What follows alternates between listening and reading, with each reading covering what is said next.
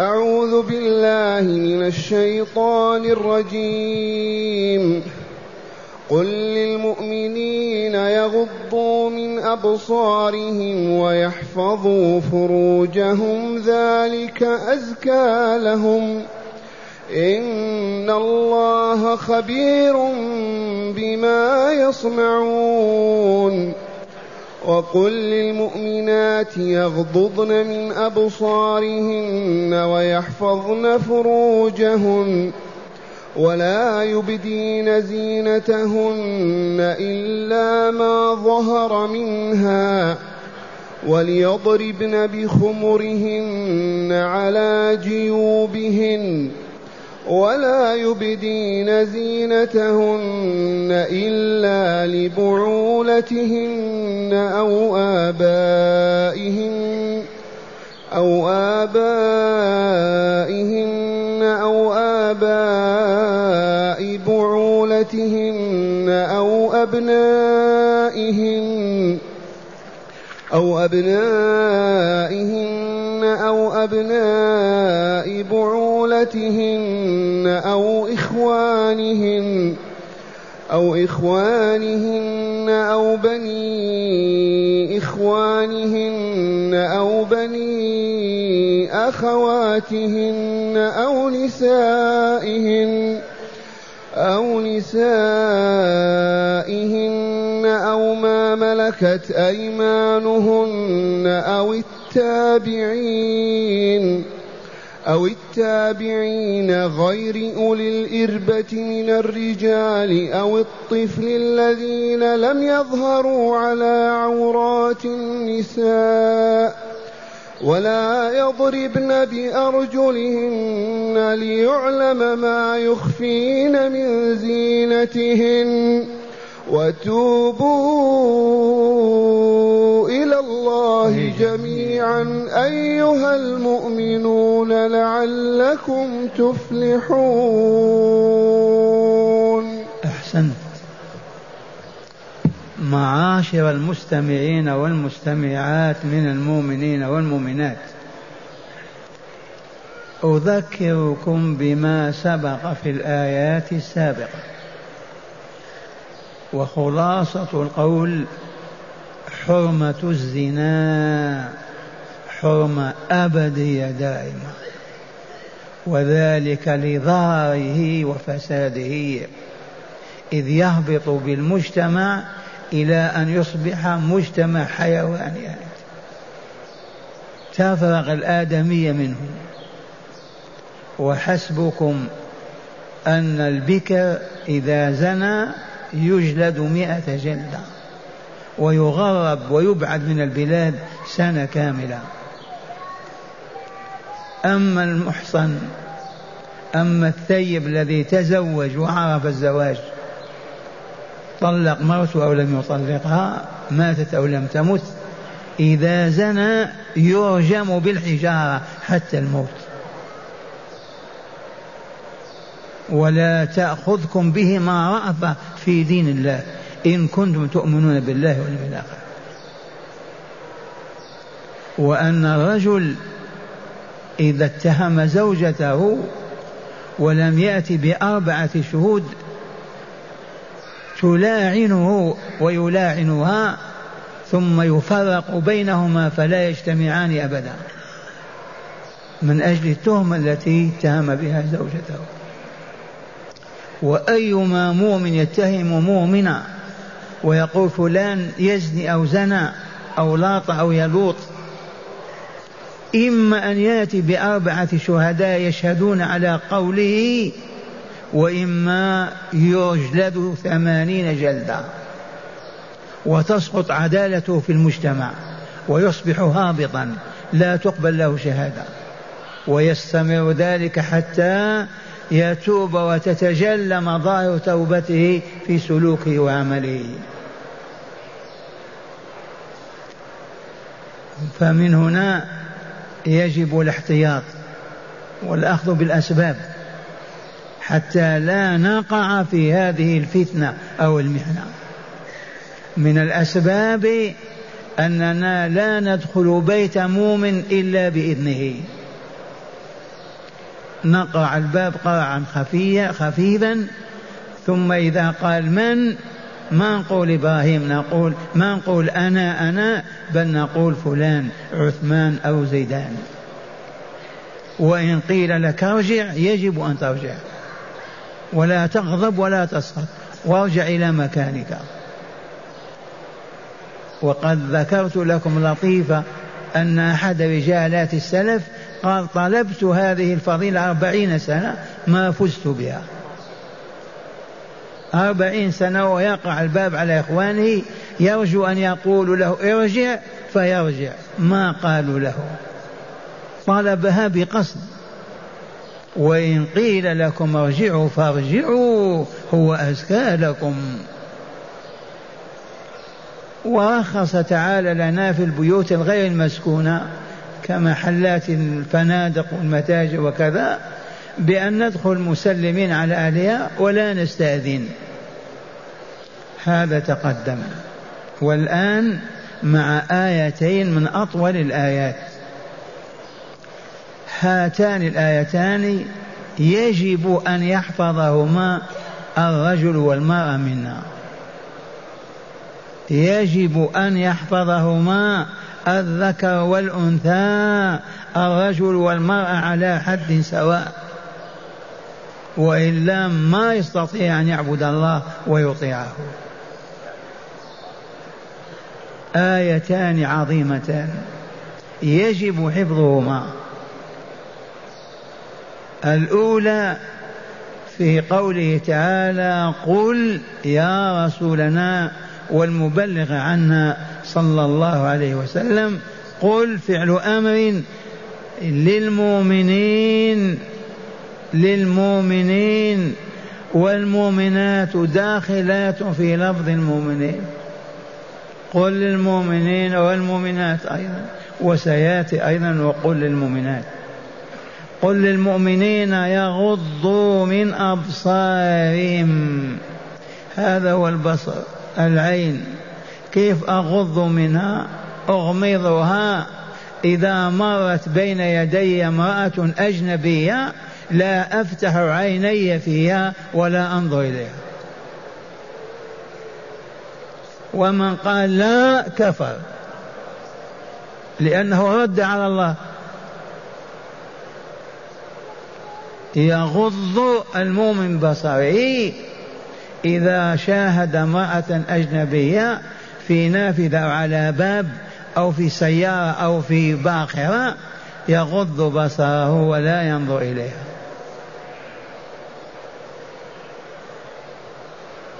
مشكلة.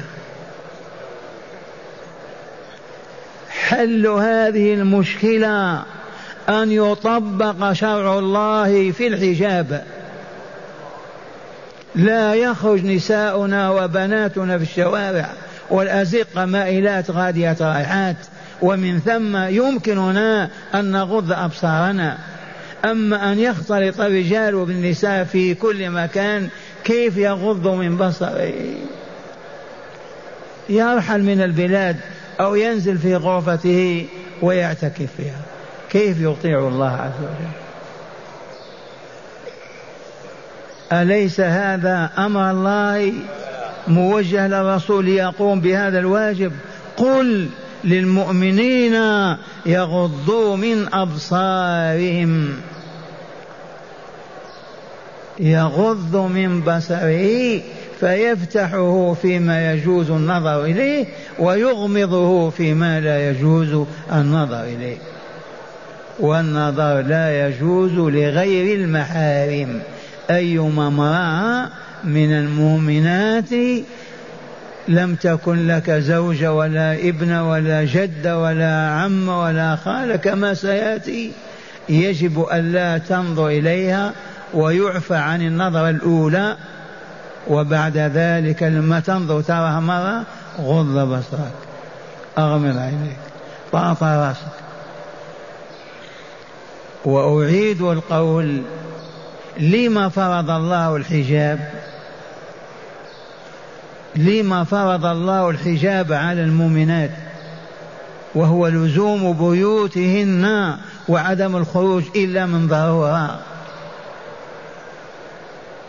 يا أيها النبي قل لأزواجك وبناتك ونساء المؤمنين يدنين عليهن من جلابيبهن. هذا الحجاب لما فرضه؟ اتقاء لفاحشة الزنا. المدمرة للمجتمع والقاضي على كماله والمخبثة للنفوس الملوثة لها لتصبح أهلا لجهنم وليست أهلا للنعيم المقيم في الجنة. دار السلام. قل للمؤمنين يغضوا من أبصارهم ويحفظوا فروجهم. كيف يحفظ المرء فرجه لا يزني ولا يلوط لو يحرق لو يصلب لو يقطع لو يمزق ما يفعل. ويحفظ فروجهم وحفظ الفرج يشمل أيضا ستره. وعدم كشفه وعدم إراءته لغيره حتى لزوجته أيضا. حفظ الفرج معناه عدم الزنا واللواط وستره حتى لا يرى ولا يكشف للناس. وبالإجماع وجوب ستر العوراء ولا يحل النظر إليها. والمؤمنون الصالحون حتى في مكان الخلوة يتسترون من الله ويستحون من الملائكة. عائشة تقول ما رأيت من رسول الله ولا رأى مني أبدا. ما نظرت إلى فرجه ولا نظر إلى فرجها. حفظ الفرج من فاحشتي الزنا واللواط. واسمحوا لي إذا ذكرت فاحشة اللواط لعلمكم أنها شائعة في العالم وأن هناك أندية في أوروبا للواط. وإلا ما من حقنا نذكرها إذ كانت من المستحيل أن تقع بين المؤمنين. وبخاصة العرب كما سمعتم غير ما مر ما كان يخطر ببالهم أن الذكر ينزو على الذكر. ولما حدثت حادثة من عجم في البحرين جيء إلى الخليفة فمعه كيف يصنعون؟ فقال علي أفتاهم أطلقوه من أعلى جبل إلى الأرض ثم أرجموهم بالحجارة. هذا جزاء اللواط. وعبد الملك بن مروان في دمشق على منبر المسجد يخطب الناس وهو وهو إمامهم. حلف بالله قال لولا أن القرآن ذكر حادثة قوم لوط ما كنا ولا يخطر ببالنا أن الرجل ينزو على الرجل. وإلى الآن بالنسبة ما نقول. ينبغي أن لا يوجد هذا النوع من الفساد. سواء في العجم وإلا في العرب في الشرق والغرب. لا في الكفار ولا في المؤمنين. هذا هبوط بالبشرية إلى حظ لا حد له في السفل قل للمؤمنين يغضوا من أبصارهم ويحفظوا فروجهم ذلك أزكى لهم. ذلك أزكى لهم. أي أطيب لنفوسهم وأطهر لأرواحهم لأنهم يصومون ويصلون ويجاهدون ويرابطون وينفقون أموالهم في سبيل الله من أجل ماذا؟ من أجل أن تزكو نفوسهم وتطيب وتطهر فيقبلها الله بعد الموت في جواره أما أن يلوثوها بهذا التلوث العجيب فلا ينفعهم شيء بعد ذلك. إذا خبثت الروح ما تزكو إلا بالتوبة الصادقة النصوحة. إن الله خبير بما يصنعون. علمهم بأن الله مطلع بعلم كامل وخبرة تامة بما يصنعونه من الخير والشر من الشر والفساد من الصلاح والفساد. ومن علم وأيقن أن الله مطلع عليه والله ما يمد يده لامرأة أجنبية ولا يراود أن يزني أو يفجر أبدا وهو مع الله. كلمة مطلع أرأيت لو كنت مطلع على ولدك أو على مستخدمك الذي تستخدمه ما يستطيع أن يفجر أو يسرق أو يكذب وأنت تنظر إليه. فكلمة والله خبير بما يصنعون لها قيمتها في التأثير على النفس البشرية. ما دام الله معي ينظر إلي كيف أقول الباطل؟ كيف أجهر به؟ كيف أمد يدي إلى ظلم أو فساد أو شر؟ ولهذا المؤمنون المتقون من عهد رسول الله لا يوم القيامة يراقبون الله والله معهم تقل ذنوبهم وتقل قلة عجيبة كأنهم ملائكة لا يعصون الله أبدا.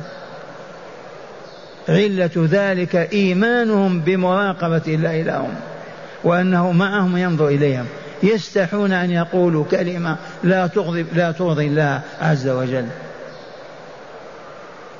هذه الآية الأولى. حفظناها. قصيرة لكن الآية الثانية هي الطويلة. قل للمؤمنين يغضوا من أبصارهم ويحفظوا فروجهم. ذلك أزكى لهم حتى من الحج والجهاد والرباط. أكثر تزكية للنفوس وتطهير لا. إن الله خبير بما يصنعون.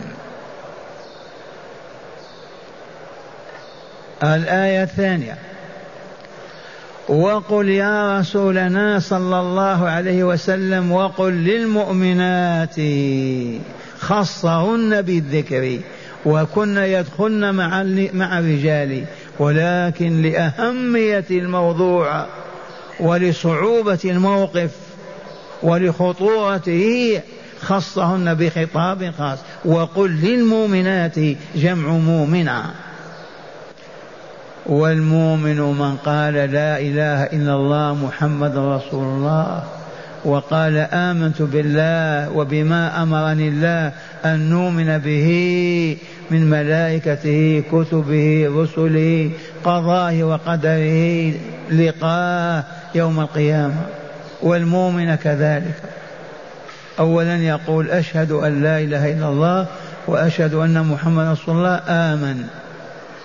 وقل للمؤمنات ماذا يفعلن يغضضن من أبصارهن. المرأة يجب أن تغض من بصرها فلا يحل أن تنظر غير النظرة الأولى لرجل أجنبي لا يحل لها وليس من محارمها.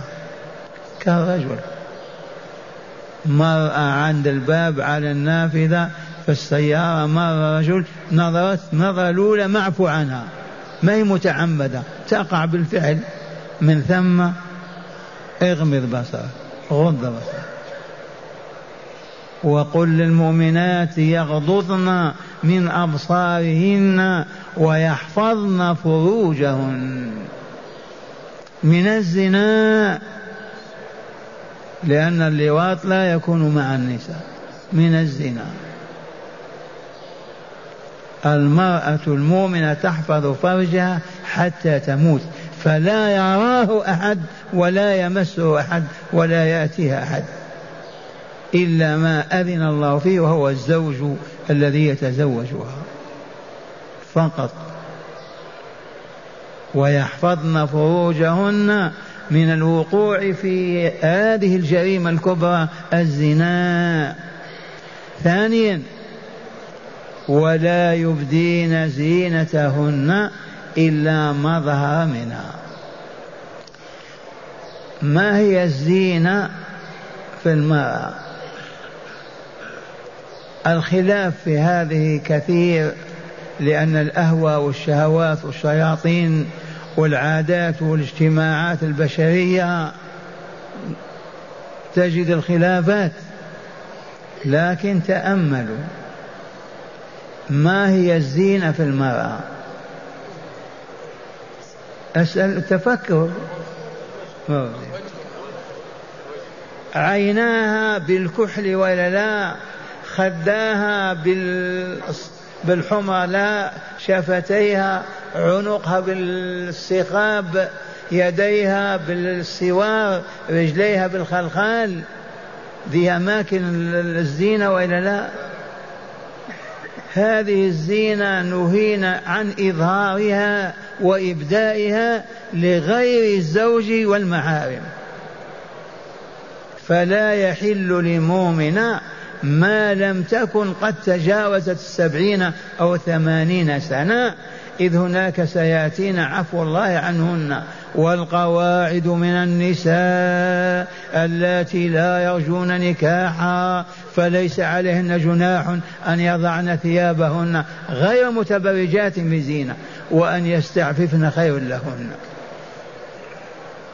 أما التي تحمل وتلد فلا يحل لها أن تبدي أي تظهر زينتها لغير زوجها إن كانت متزوجة ولغير محارمها كالأخ والابن ومن إليهم. ولا يبدين زينتهن. وقل للمؤمنات يغضضن من أبصارهن ويحفظن فروجهن ولا يبدين زينتهن إلا ما ظهر منها. ما الذي يظهر منها؟ لا نستعجل. قلت لكم الخلاف دائر لكن نحن مع الصواب والحق. ثبات ما ظهر منها أرادت أن تخرج يدها تعطي للذي تشتري منه لا بد وأن تظهر كفها للضرورة. أليس كذلك؟ عيناها لا بد إذا مشت في الطريق أن تظهر عين من عينيها أو يظهر العينان لأنها تنتقب هكذا وتترك عين تنظر بها كما قال ابن عباس رضي الله عنه. لا بد ضرورة. لباسها الذي عليها جميل وإلا لا؟ ماذا تصنع؟ تلبس الردي. مضطرة تلبس لباسها وإن كان جديدا أو جميلا فهو يرى ومعفو عنه. لأن هذا ظهر عليها ما تستطيع أن تخفيه. ولا يبدين زينتهن إلا ما ظهر منها فقط. أو كانت في حالة مرض مع طبيب. في حال ضلال ضلت الطريق أو كذا فأخذها بيده مثلا للضرورة. فقط الضرورة يعفى عنها وللضرورة أحكام كما تقدم لنا وعرفنا هذا هو الاستثناء. إذا فما هو الحجاب؟ أول أول كان النساء ينتقبن ولهذا نهيت المحرمة عن الانتقاب. المحرمة بالحج أو العمرة لا تنتقب لماذا؟ لأنها في عبادة. فإذا كانت منتقبة يراها الإنسان يقول ما هي حاجة ولا معتمرة. لكن إذا كشفت عن وجهها دل ذلك على أنها محرمة.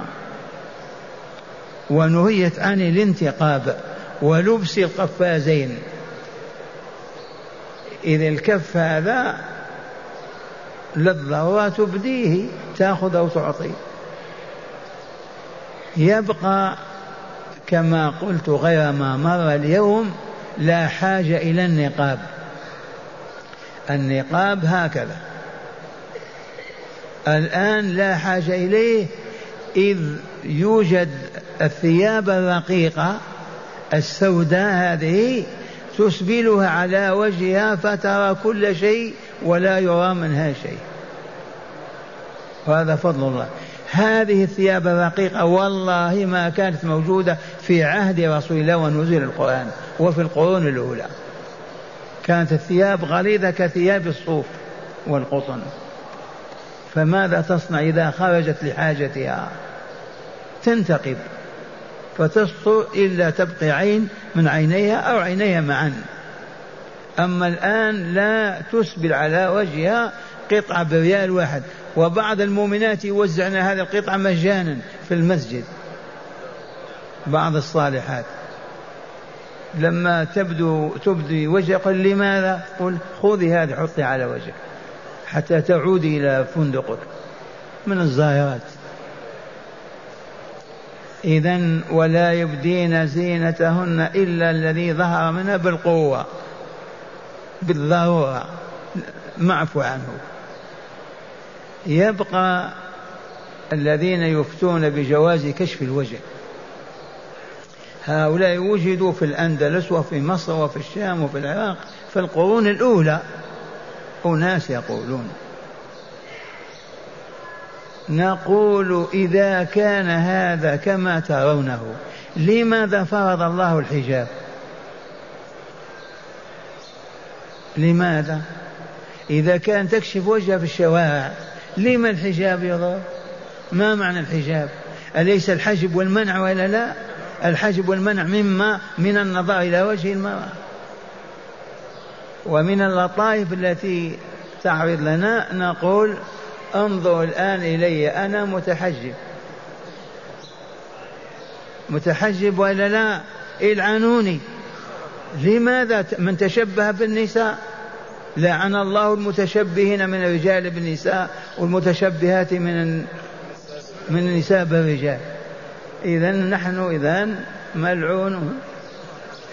لا حول ولا قوة فلذا والله إن كشف المرأة وجهها لخروج عن طاعة الله في كتابه. إلا إذا كانت مرخص لها من ضرورة من الضرورات أو كانت عجوزا قاعدة لا تحمل ولا تلد. أما ما دامت تتزوج وتطأ وتجامع فلا يحل لها أن تكشف وجهها أبدا. أولا لها بيتها ومنزلها وهي ربته حسبها ما تقوم به من واجبات خدمة الزوج وأولاده وتربية أولاده وعبادة ربها فهذه كافية. لها لم تخرج؟ لم تخرج نساؤنا؟ للضرورة ما هي الضرورة؟ الضرورة رجالنا كلهم ماتوا في الجهاد. ما بقي في القرية إلا أربع رجال. من يقوم بالواجب؟ هنا ضرورة المرأة تخرج. تحصد وإلا تنزرع لكن هل هناك فقد للرجال؟ الرجال الآن ما وجدوا أعمال. في أي بلد؟ واليهود والنصارى يزينون لنا هذه الفاحشة لنخرج نساءنا وبناتنا للعمل حتى ينتهي الحجاب. ونمزق كتاب الله عز وجل. ما زلت أقول على علم والله لو أن أهل مدينة أو إقليم أو قرية حجبوا نساءهم واحتجبنا والله ما يضيرهم شيء ولا يضرهم شيء والله لينفعهم ذلك. ولو كشفوا وجوه نسائهم واختلطوا بهن والله ما ينتفعون والخسارة دائما قائمة. والواقع شاهد نتكلم بالواقع.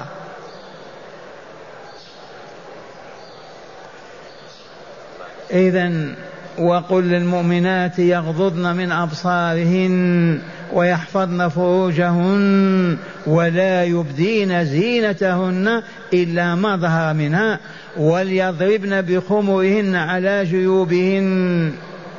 الخمار هو الذي تتخمر به. كانت تخمر به هكذا وتلقيه على جانبيها. هكذا. فنزل القرآن وقال لا الخمار تلفيه عليك. على الجيب هذا هو الجيب. حتى ما تبقى ما يبقى الرقبة والعنق هذا مكشوف أو الآذان. وليضربن بخمرهن على جيوبهن. ولا يبدين زينتهن أي ولا يظهرن زينتهن. الزينة في الآذان هي الأسورة أو الأقراط. في الأعناق.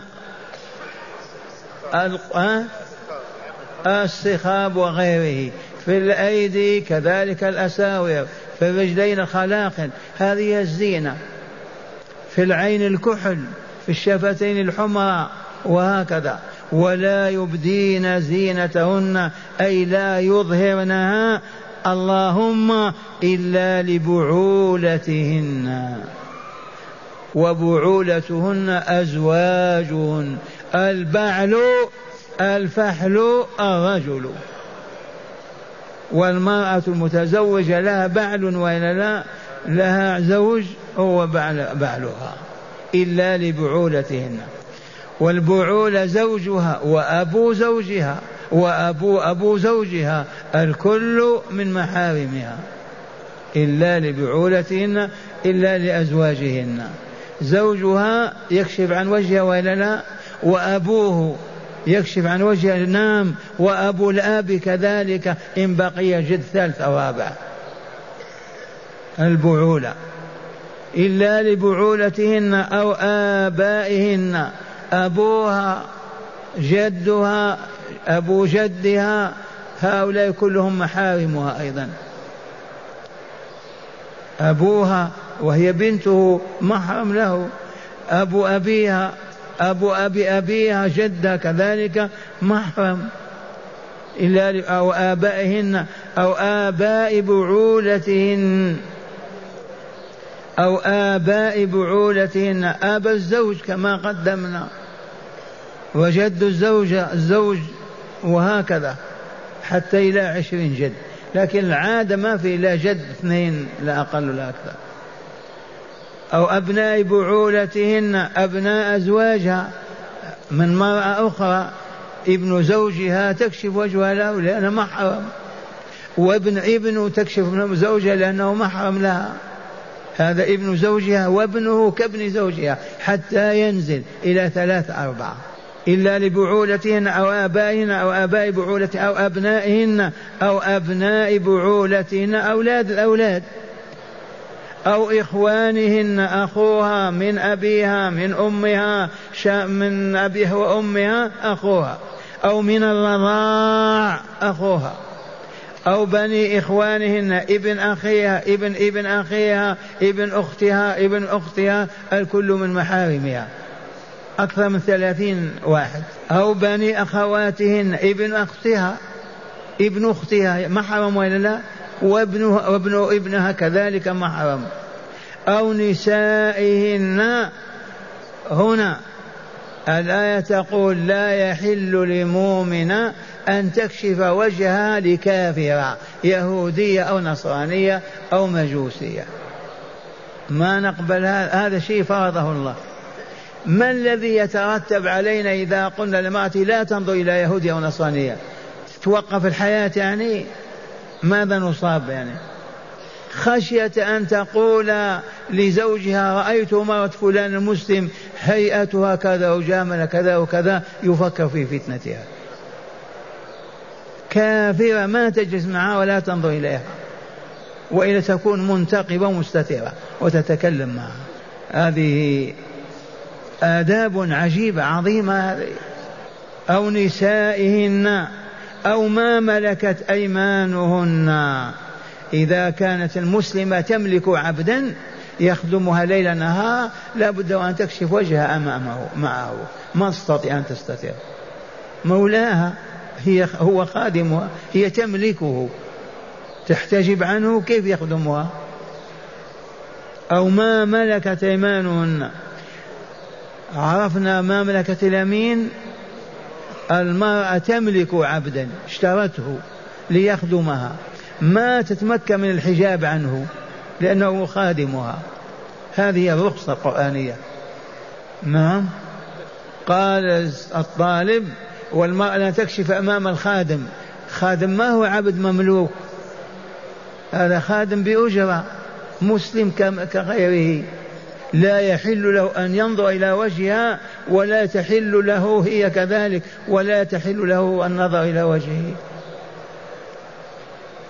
الآية أو ما ملكت يمينك. أيام كان العبيد والأرقاء متواجدون لوجود الجهاد في سبيل الله.